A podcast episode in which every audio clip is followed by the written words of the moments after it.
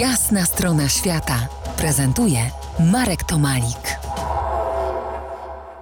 Bajkalska Jemorie, czyli jezioro Bajkał w dzisiejszych opowieściach z moich podróżniczych wspomnień. To jeszcze na chwilę wrócę do ryb.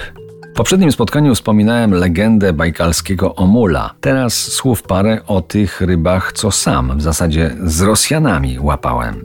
Otóż wziąłem udział w czymś na kształt wczasów. Tania Żona Kosti pracowała jako geolog na miejscowym uniwersytecie i to jej zawdzięczam tę przyjemność. Mówili na to turbaza.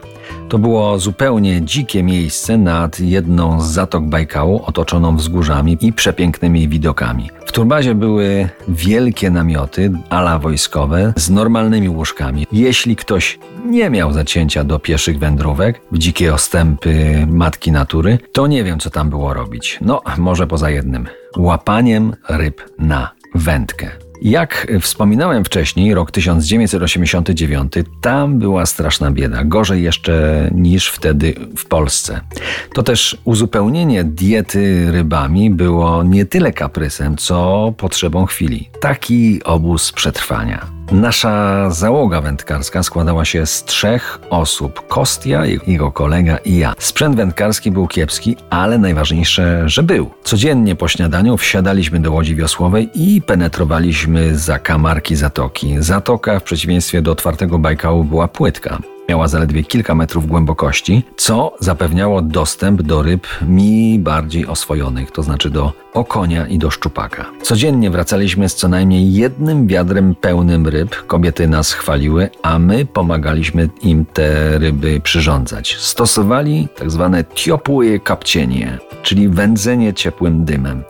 Odbywało się to w prostych, niewielkich metalowych skrzynkach wyposażonych w ruszt. Aby ryba złapała dobry smak do snującego się dymu z u spodu skrzynki do żaru dodawaliśmy gałązki karłowatej akacji. Ryby były pyszne do bezpośredniej konsumpcji zaraz po uwędzeniu i nie znudziły się nam przez dwa tygodnie.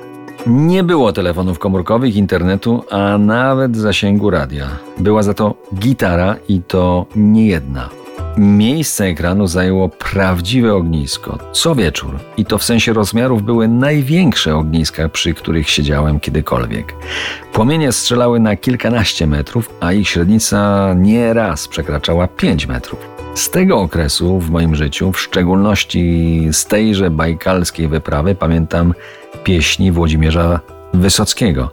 I pamiętam, że był tam też taki jeden turbazowy grajek, który znał to znaczy umiał zagrać i zaśpiewać chyba wszystkie piosenki Wysockiego, bo nigdy się nie powtarzał, co wieczór grał co innego. Za kilkanaście minut zapraszam na ciąg dalszy moich bajkalskich wspomnień. To jest jasna strona świata w RMS Classic.